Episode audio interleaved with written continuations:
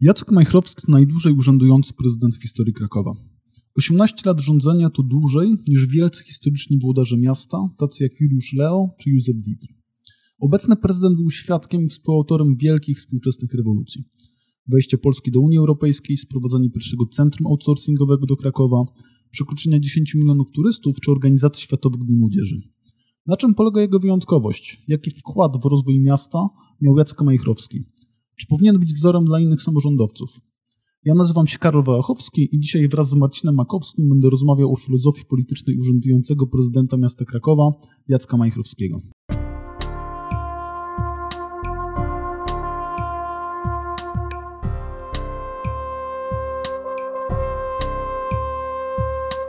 Krakowskie Gadanie. Podcast Klubu Jagiellońskiego Kraków. W jednym ze swoich tekstów postawiłem tezę. Filozofia polityczna Jacka Majchrowskiego to filozofia trwania. Kraków mógłby rozwijać się dużo lepiej, gdyby miał aktywnego prezydenta, angażującego się w najważniejsze problemy miasta. Zaangażowanie jednak oznacza ryzyko, które może przekładać się na błędy i spadek popularności. Jacek Majchrowski woli jednak bezpieczne trwanie, które pozwala mu utrzymywać się jako jeden z najdłużej urzędujących samorządowców w Polsce. Zamknąłem jego filozofię trwania w trzech punktach: systemowym pozorowaniu realnych działań, delegowaniu trudnych obszarów oraz selektywnym uleganiu medialnej presji.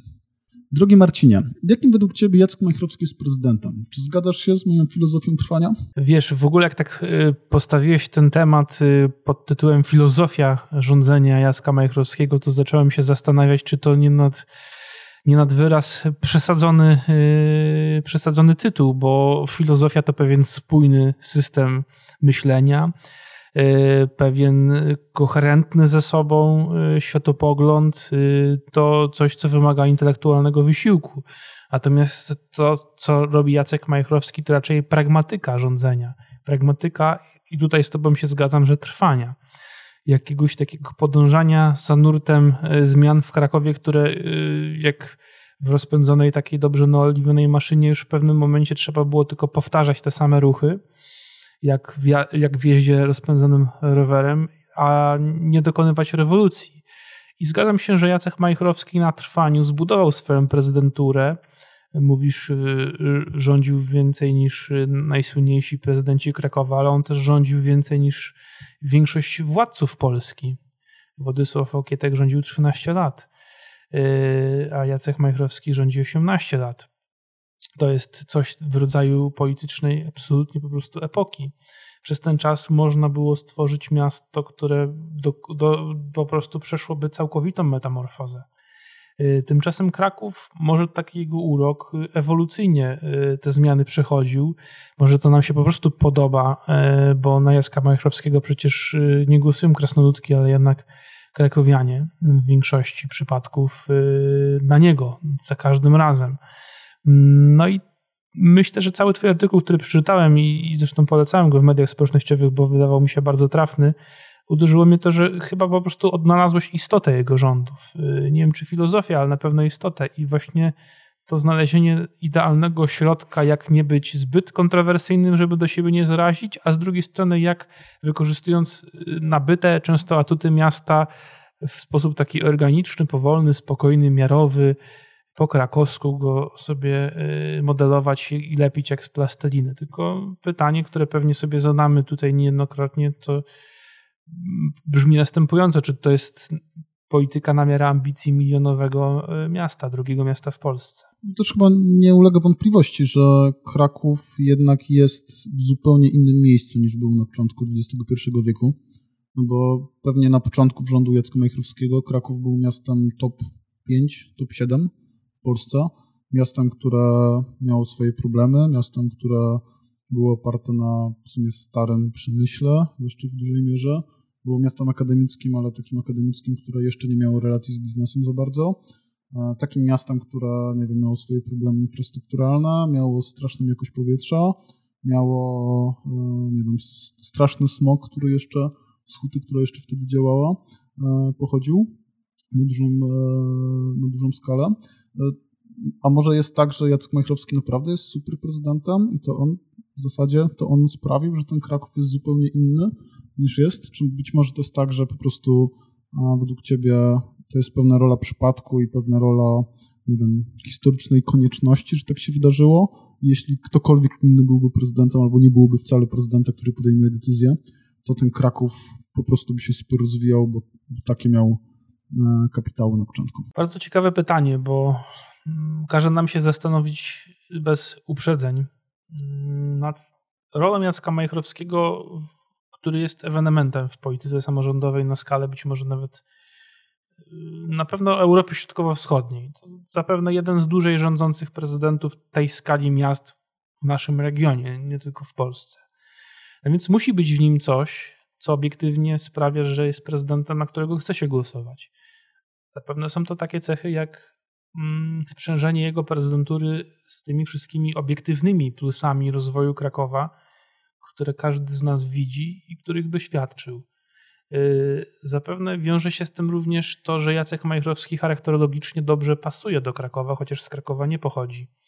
Że dosyć dobrze zrozumiał duszę tego miasta, tylko nie wiem, czy, czy zrozumiał, yy, że aby to miasto się rozwijało dalej, on, ta dusza musi się zmienić. To jest pewnie temat na, yy, na, na, dalszą, na dalszą refleksję, którą mam nadzieję, że tutaj też podejmiemy.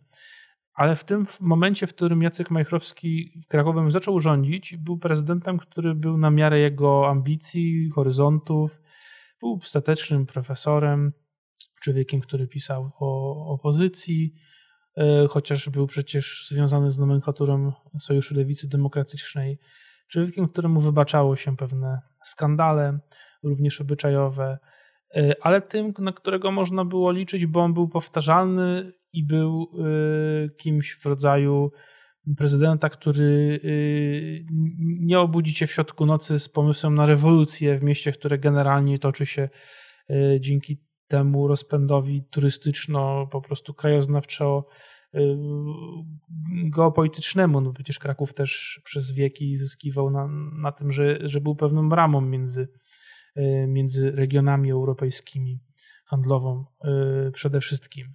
No i Jacek Majchrowski po prostu skumulował w sobie te cechy też negatywne i to jest istotne Krakowa. To, to, rodzaj takiego, nie wiem, krakowskiego zatęchłego nieco kredensu y, z drogiego drewna, mm, y, meblu, mebla, który jest antykiem, ale z drugiej strony y, nie potrafi się przewietrzyć, otworzyć. Jacek Majchrowski był człowiekiem i nadal jest y, niezwykle wykształconym, inteligentnym, momentami błyskotliwym, ale chyba zbyt y, bardzo poczuł się na tym stanowisku jak w strefie komfortu i to jest jego największy problem, który przez jakiś czas był jego największym atutem, bo to się podobało nam w Krakowie, że na tle innych miast w Polsce tutaj była jakaś powtarzalność i stateczność.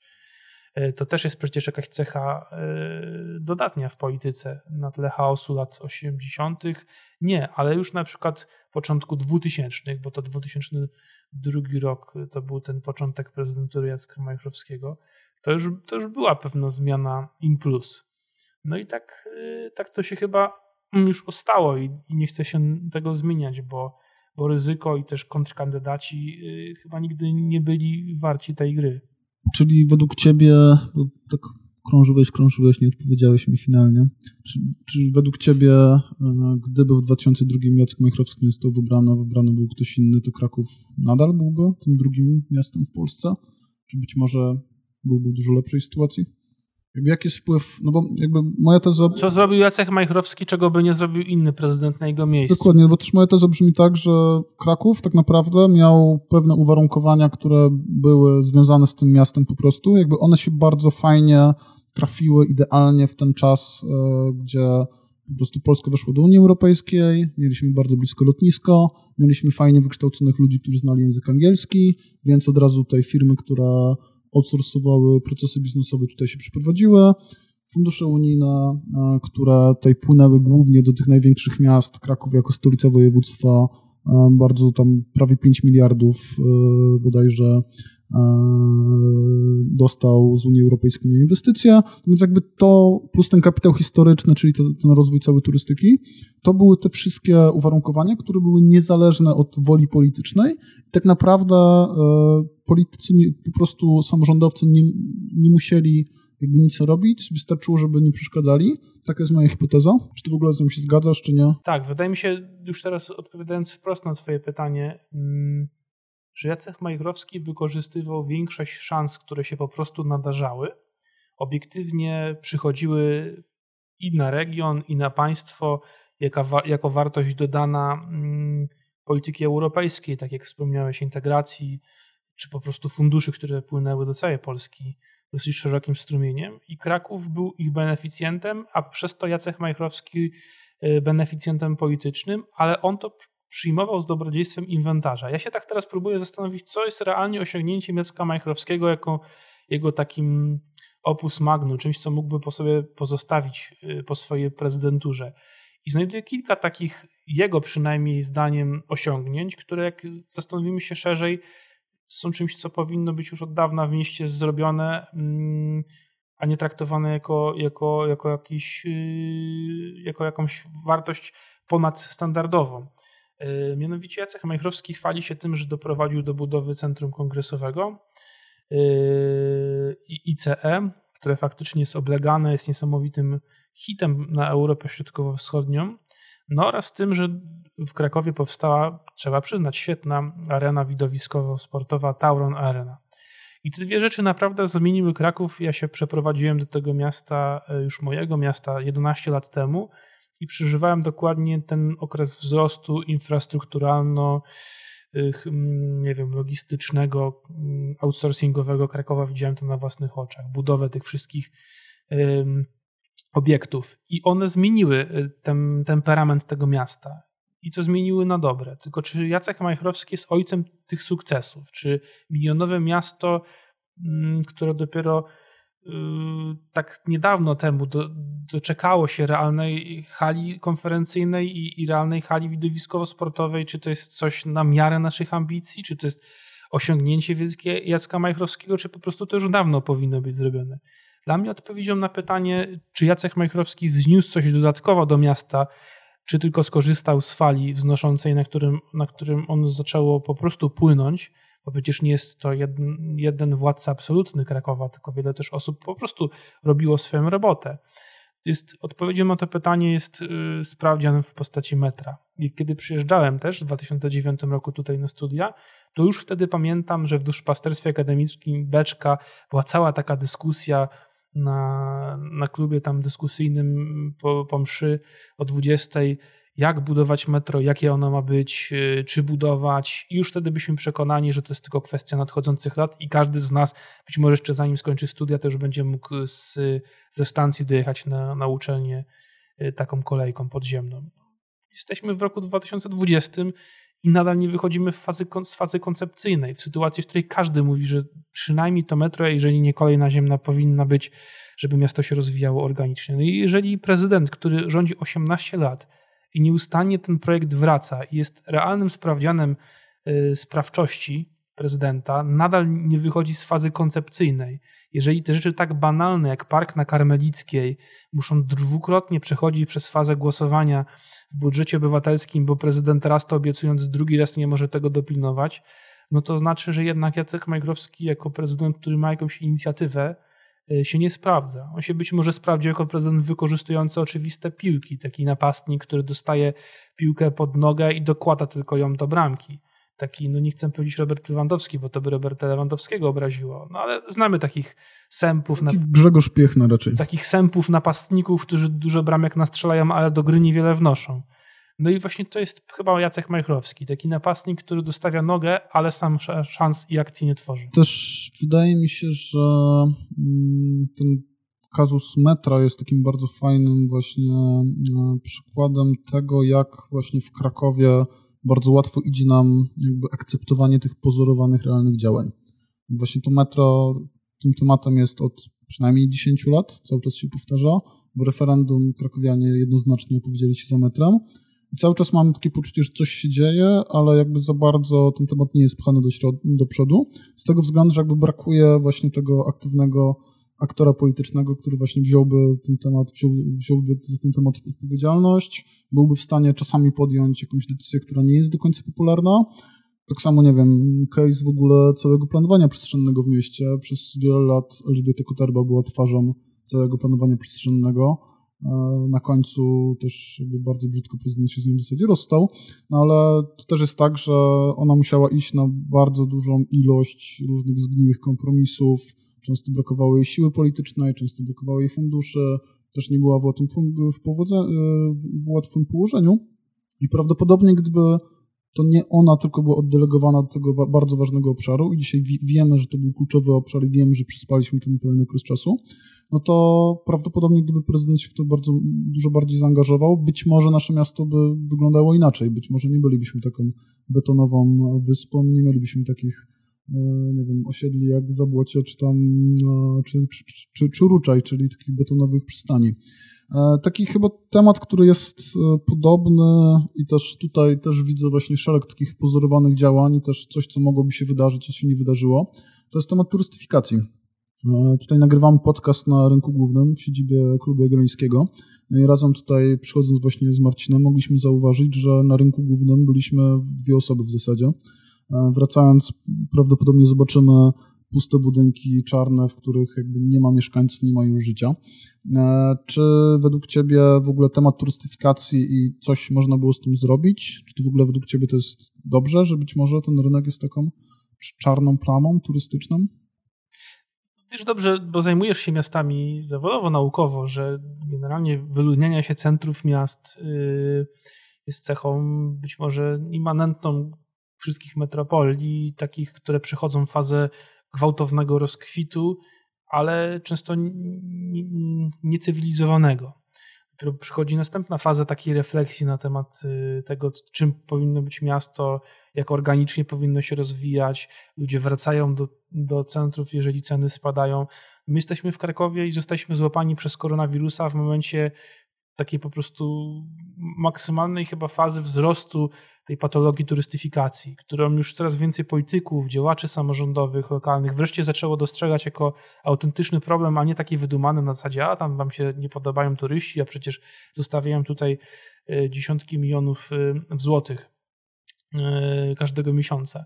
Nie, to nieprawda. Nikt do tej pory w Krakowie realnie się nie zastanowił z perspektywy miasta, ile miasto traci przez, przez taką eksploatację wyniszczającą przez turystów. Y, to, że będziemy wracać nocą przez pusty rynek, być może na Starym Mieście mieszka 15 tysięcy osób, nie więcej, realnie.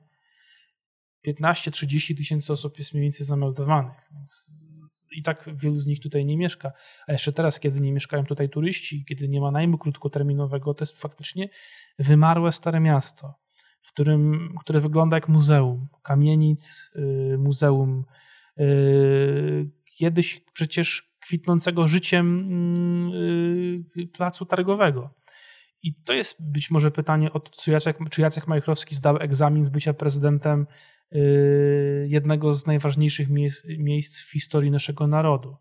Wydaje mi się, że nie zdał, bo w czasie prosperity stosunkowo łatwo czerpać korzyści z tej maszynki do zbierania pieniędzy w postaci takiej banalnej turystyki city breakowej, przyjeżdżania na szota za tam parę złotych, mm, e, zjedzenia taniego kebaba i pójścia do, do baru go-go. Fakt, że w ogóle mogliśmy zamienić tak zwany salon Europy na miejsce, w którym turyści przyjeżdżając w weekend nie mogli się nadziwić, jak są brutalnie zaczepiani przez, te, przez tych wszystkich e, naciągaczy, zaganiani przez te dziewczyny z parasolkami do, do klubów ze striptizem to jest dla mnie największa porażka Jacka Majchrowskiego, że on w ogóle do takiego stanu dopuścił. I tu nie chodzi o jakieś zadzieranie nosa, że my tutaj Krakówek musimy mieć piwnicę pod baranami i, i, i puszczać piosenki Grechuty i, i Turnała na, na Brackiej, tylko jeżeli pojedzie się do Pragi, Wiednia czy Budapesztu, tam Stare Miasto w nocy w weekend nie straszy, tylko raczej zachęca do tego, żeby się w nim bawić, ale w sposób no, zrównoważony. Tymczasem Kraków stał się jednak mocno patologicznym miejscem wieczorem. To, proszę, wymiociny na Floriańskiej, przechodzenie przez te piękne za dnia e, zadbane ulice wieczorem, to nie jest przeżycie, które chce się pamiętać jako romantyczne i do którego chce się wracać. I to jest problem Jacka Majchrowskiego, że skorzystał z tego, że nagle te miliony kolejne pękały, lotnisko y, Jana, mm, Jana Pawła II y, notowało co miesiąc właściwie kolejne rekordy frekwencji, tylko ten przyrost trzeba było być może przeznaczyć na rozwój organiczny miasta, a niekoniecznie na taką jego brutalną eksplorację i eksploatację turystyczną. I dzisiaj widać, jak w soczewce, wszystkie negatywne skutki tego zjawiska. No to w takim razie, skoro Jacek Majchrowski popełnił przez to wiele lat tyle bardzo dużych, istotnych rozwojowych błędów, to dlaczego według Ciebie nie znalazła się żadna sensowna kandydatura, która byłaby w stanie z nim wygrać, a żadna, żaden polityk lokalny, który byłby w stanie właśnie strącić stronu tego właśnie prezydenta, który też, umówmy się, od pewnie przez parę ostatnich lat, też pewnie ze względu na wiek, ale też pewnie ze względu trochę takiego lenistwa, to znaczy mm, takiego polityka, który już ma poczucie, że już w mieście jakby osiągnął trochę wszystko, już w zasadzie nic nie musi, nie musi, nie wiem, zakładać nowych, nowoczesnych kanałów komunikacji, nie musi zakładać Facebooka, nie musi się kontaktować z ludźmi. W zasadzie w kampaniach wyborczych też widzimy to, że Jacek Majchrowski w zasadzie niezbyt często wychodzi z, z biura, więc jakby choć skoro tyle jakby cech jest negatywnych, które jakby raczej e, predestynowałyby do tego, aby ktoś inny przejąłby właśnie schedę po nim. To dlaczego się wydarzyło tak, że jakby nikt e, inny nie rzucił mu właśnie tej rękawicy i nie był w stanie z nim wygrać? Wiesz, każda kadencja to trochę inna odpowiedź na to pytanie. Najłatwiej zapewne pokazać cechy być może wspólne tego stanu rzeczy na ostatnich wyborach, na ich, na ich przykładzie. Tych takich już najbardziej schyłkowych, chyba ostatnich w politycznej karierze Jacka Majchrowskiego, chociaż to nigdy nie wiadomo. To były właściwie wybory, które skupiły te wszystkie patologie, ale też w jakimś sensie pokazały tą siłę Jacka Majkrowskiego, która nadal była wystarczająca, żeby wygrać. Czyli tak, brak nowoczesnych kanałów komunikacji, brak y, gryzienia trawy, brak klasycznego takiego politycznego PR-u. Jacek Majchrowski zaczął kampanię od urlopu. To jest to, co zrobił jak pierwszą rzecz, jak, jak się zaczęła kampania. Pojechał, bo miał urlop, on to musiał odebrać, no i trudno. Bo wiedział, że wygra, albo po prostu, że nie ma z kim przegrać. No i, i tak to się działo potem. Yy, Małgorzata Wasserman była zbyt pisowska, mm, nawet jak na Kraków, bo to jest przecież specyfika naszego miasta, której mało kto wie spoza niego. Że nie jest to miasto wbrew pozorom strasznie prawicowe, jakoś szalenie mocno konserwatywne w rozumieniu takiej prawicy yy, partyjnej, pisowskiej. Platforma Obywatelska, Obywatelska ma ogromne zaplecze w Krakowie. Więc Małgorzata Wasserman być może ze względów partyjnych była po prostu niestrawna dla większości mieszkańców. Z drugiej strony Łukasz Gibała, polityk, który od długiego czasu puka do tych drzwi, przynajmniej stwarza pozory bycia mm, kimś młodym, dynamicznym z pogranicza think tanku i startupu, przedsiębiorcą, który chce zakładać y, plantacje drzewek tlenowych, krzyć maseczki antysmogowe, jeździ Teslą. Więc to był ciekawy y, projekt, który zdobył i tak dosyć dużo, bo chyba 17% Y, głosów y, i był być może najsensowniejszym kandydatem z całej tej trójki, ale był być może zbyt y, mm, zbyt ryzykowny dla wielu konserwatywnych w rozumieniu przyzwyczajonych do swoich wyborów mieszkańców Krakowa. No i pojawił się Jacek Majchrowski. Perspektywa obietnicy e, ewolucyjnego trwania Krakowa, który dla wielu beneficjentów najmu krótkoterminowego, turystyfikacji, rozwijającego się na dziko rynku deweloperskiego, no był jednak wygodnym miejscem do życia, bo przecież ktoś z tych wszystkich rzeczy realnie korzystał. No nie my, ale pewnie tysiące osób było beneficjentami takiego układu. No i nie zapominajmy o jeszcze jednej rzeczy, która zawsze idzie jak, jak karawana za, za, za armią. Y, czyli cały ten dwór w postaci tysięcy urzędników i ich rodzin. Jacek Majchrowski przez 18 lat stworzył cały dwór i to jest być może sekret, taki głęboko polityczny, trudny do, do odczytania i zrozumienia, sekret jego rządów. Wokół Jacka Majchrowskiego istnieje sieć medialnych powiązań, jakichś portalików, które dostają różne dziwne zlecenia z miasta. I jak trzeba, to nie skrytykują, a jak mogą, to pochwalą to brak lokalnych elit, które by realnie miały siły i pieniądze na to, żeby się wyłamać spod tych układów i rzucić rękawicę Jackowi Majchrowskiemu. I tak moglibyśmy tych powodów mnożyć, ale trwanie w postaci tak długiego, nieprzerwanego sprawowania rządów i wytworzenia wokół siebie po prostu dziesiątek tysięcy osób, które zagłosują na, na ciebie, żeby nie stracić swojej posady, to jest y, być może siła przeważająca po prostu, już taka masa krytyczna, której nie da się obalić, jeżeli prezydent sam nie odejdzie. I wydaje mi się, że to się wszystko skumulowało w ostatniej kampanii. Mm, a czy to nie jest może tak, że jednak to jest taka chyba spora tragedia dla całego miasta, że Kraków jakby jest na tyle dużym miastem i na tyle ważnym ośrodkiem, że jeśli już jestem politykiem lokalnym, który się wyróżnia, to bardzo łatwo e, przejść mi jest po prostu do Warszawy, do polityki centralnej. I właśnie przedstawiciele tych partii, czy Platformy, czy PiSu, być może nawet PSL-u, e, te osoby, które jakby sprawdziły się w Radzie Miasta, bardzo szybko, bardzo łatwo mogą zrobić karierę w Warszawie, no i dlatego po prostu lokalnie jakby nie jest, nie jest w stanie jakby ci politycy lokalni nie są w stanie przebić się przez pewien, przez pewną barierę, z tego względu, że jak już zrobią pewną rozpoznawalność, żeby móc stanąć właśnie do walki z Jackiem Majchrowskim, to wtedy po prostu idą do Warszawy, zostają ministrami, posłami i wtedy już tak naprawdę z perspektywy polityka krajowego powrót do Krakowa i staranie się o fotel prezydenta to jest raczej, to jest coś gorszego. No bo też umówmy się, że e, w porównaniu do bycia posłem, to bycie prezydentem to jest coś dużo trudniejszego, tam trzeba dużo więcej pracy, tam są twarde decyzje, te pieniądze nie są najlepsze, dużo łatwiej po prostu być posłem w Warszawie, biegać sobie po mediach od czasu do czasu, jak się ma ochotę i robić tą taką politykę, taką stricte kawiernianą, a nie martwić się tym, czy, nie wiem, będzie wywóz śmieci. Więc ja też stawiam taką tezę, że tak naprawdę jak nawet popatrzymy na tych ostatnich e, kandydatów z największych partii politycznych, no to Platforma Obywatelska tak naprawdę od 2006 roku w zasadzie zawsze oddaje walkowerem prezydenturę Krakowa. Jakby PiS e, tak naprawdę w PiSie ci politycy tak naprawdę dużo bardziej budują ten swój kapitał polityczny centralny, kapitał polityczny wyborczy, a nie chcą wygrywać po prostu tego miasta.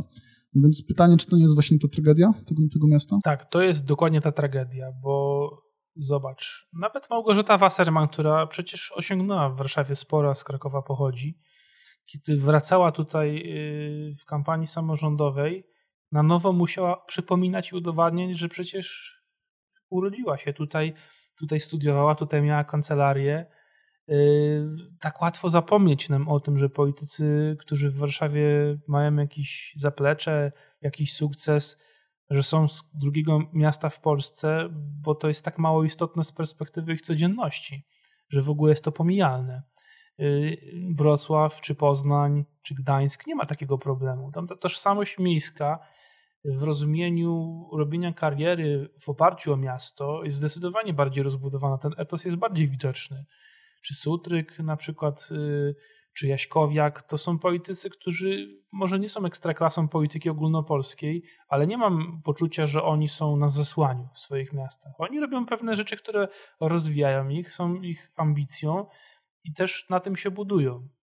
Yy, prezydent Dulkiewicz w Gdańsku, yy, czy, czy wcześniej Adamowicz, to też był bardzo podobny yy, przykład i moglibyśmy takich historii pewnie wymieniać znacznie więcej. Tymczasem Kraków jest takim właśnie miastem, którego przekleństwo może być błogosławieństwem w sytuacji, w której sobie uświadomisz, że ono jest y, na tyle duże, że można tutaj robić rzeczy porównywalne z Warszawą, ale właśnie przez to, że jest tak duże, to dlaczego mam tutaj siedzieć, skoro mogę to robić w Warszawie, jak już się sprawdziłem w Krakowie? Bo Kraków to jest miasto, w którym można zrobić właściwie wszystko.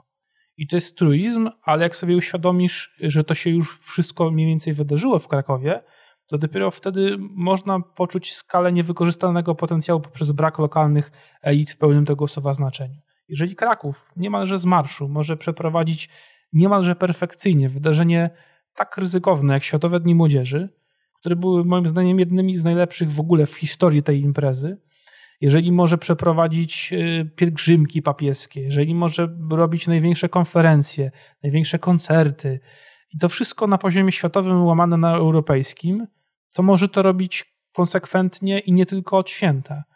Tylko, że potrzeba tutaj kogoś, kto zrozumie, że Kraków nie jest y, środkiem do celu, tylko jest celem.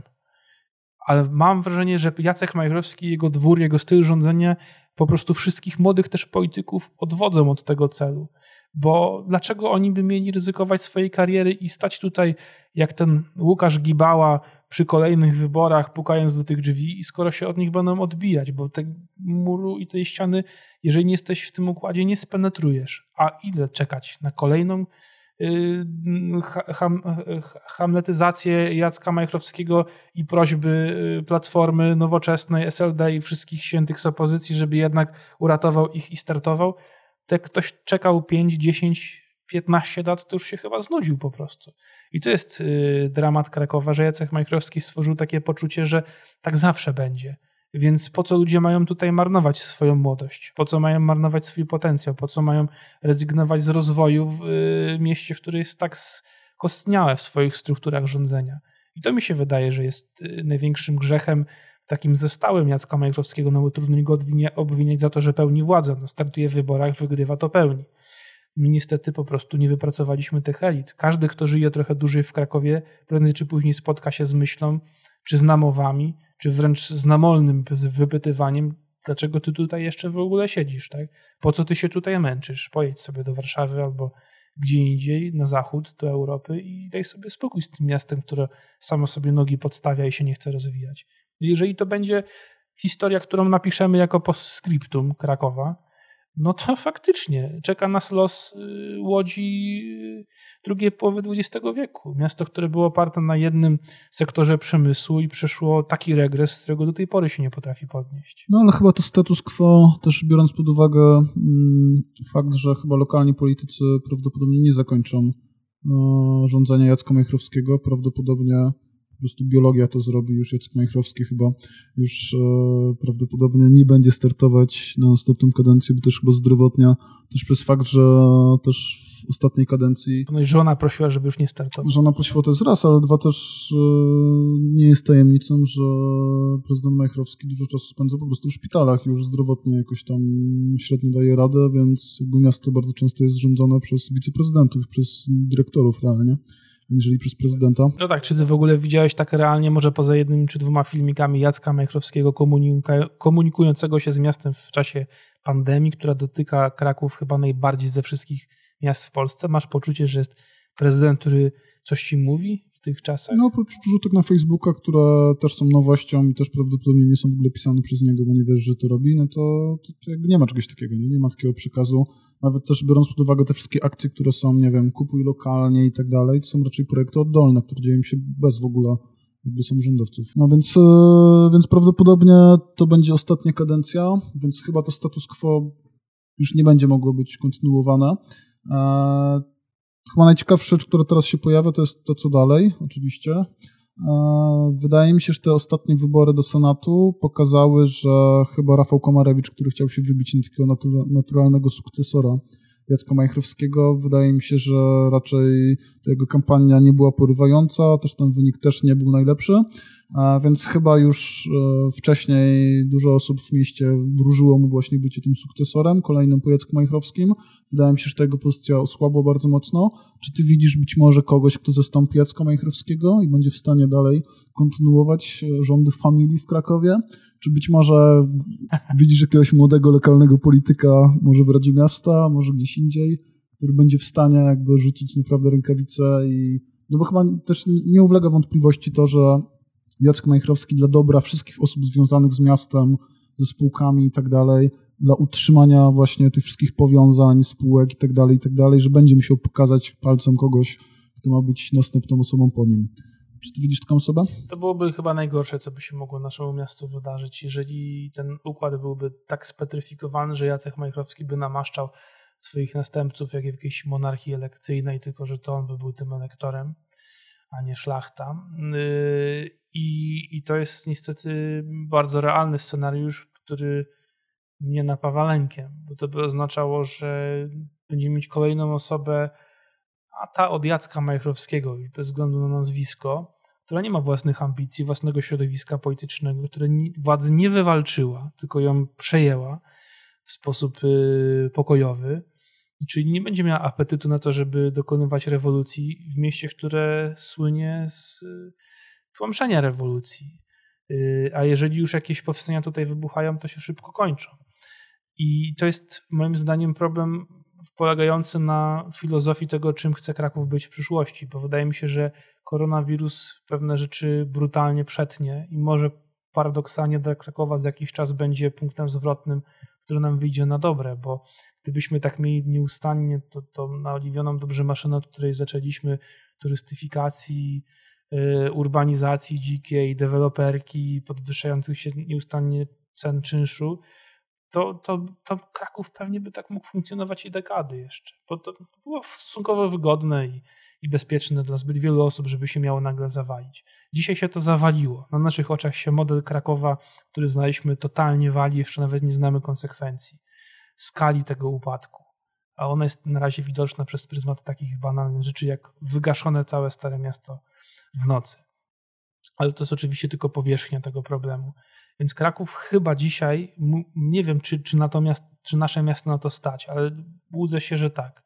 Będzie musiał postawić na kogoś jednak innego. Może to będzie ten Łukasz Gibała się w końcu doczeka.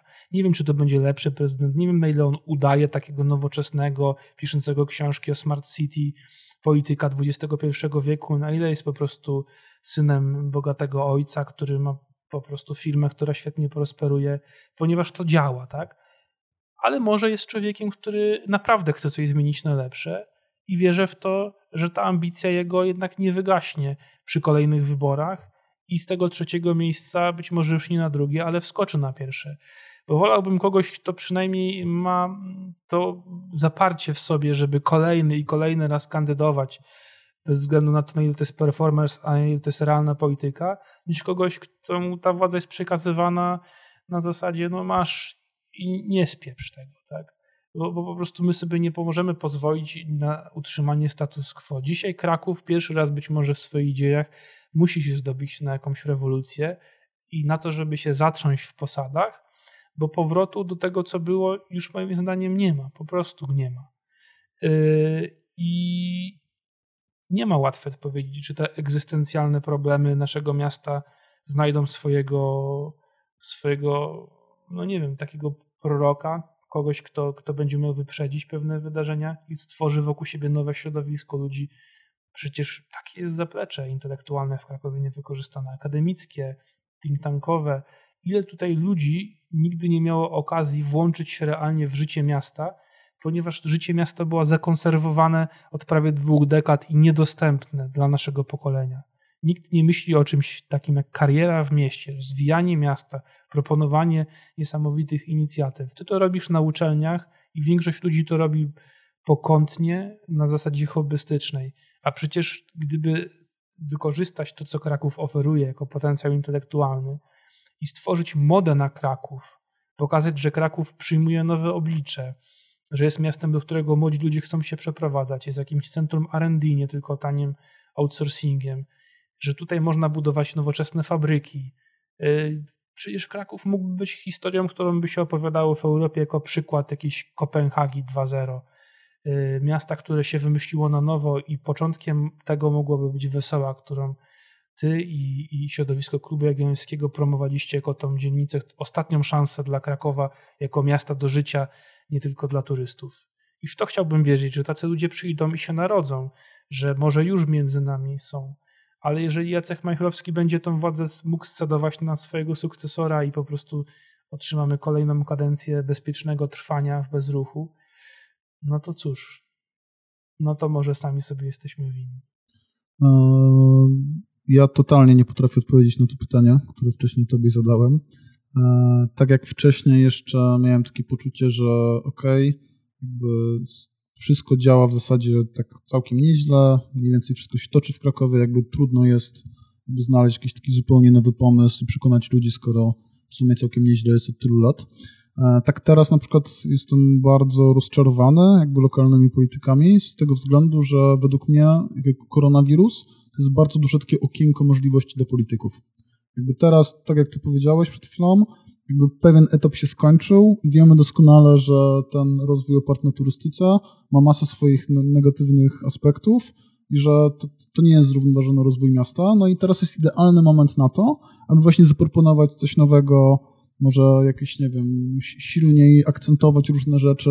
A jakby ja nie widzę, aby którykolwiek z lokalnych polityków teraz właśnie budował swój kapitał polityczny na tym właśnie, aby uderzać E, w te wszystkie błędy, które zostały e, popełnione. Mam wrażenie, że wszyscy raczej są tacy wszystko jest tak jak w Krakowie, no tak pomalutku, raczej niezbyt ostro, żeby się nikomu nie narazić i tak dalej, i tak dalej.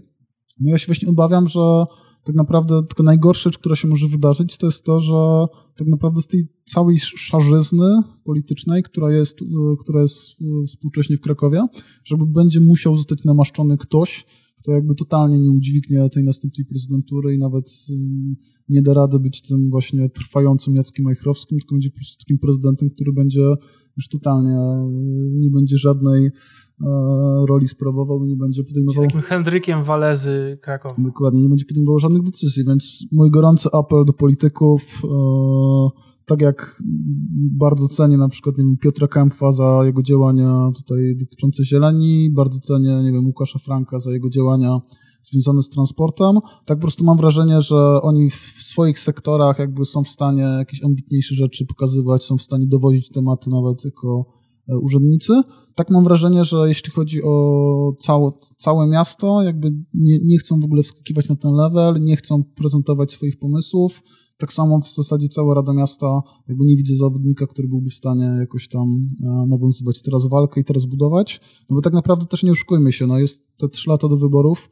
Jeśli teraz ktoś nie zacznie tak naprawdę budować potencjału, to już potem będzie za późno. No to już nie zdąży. A więc gorący apel, jeśli, jeśli nas słuchacie, a wiem, że słuchacie, to gorący apel, e, teraz jest czas na budowanie. Chyba ostatni wątek, co?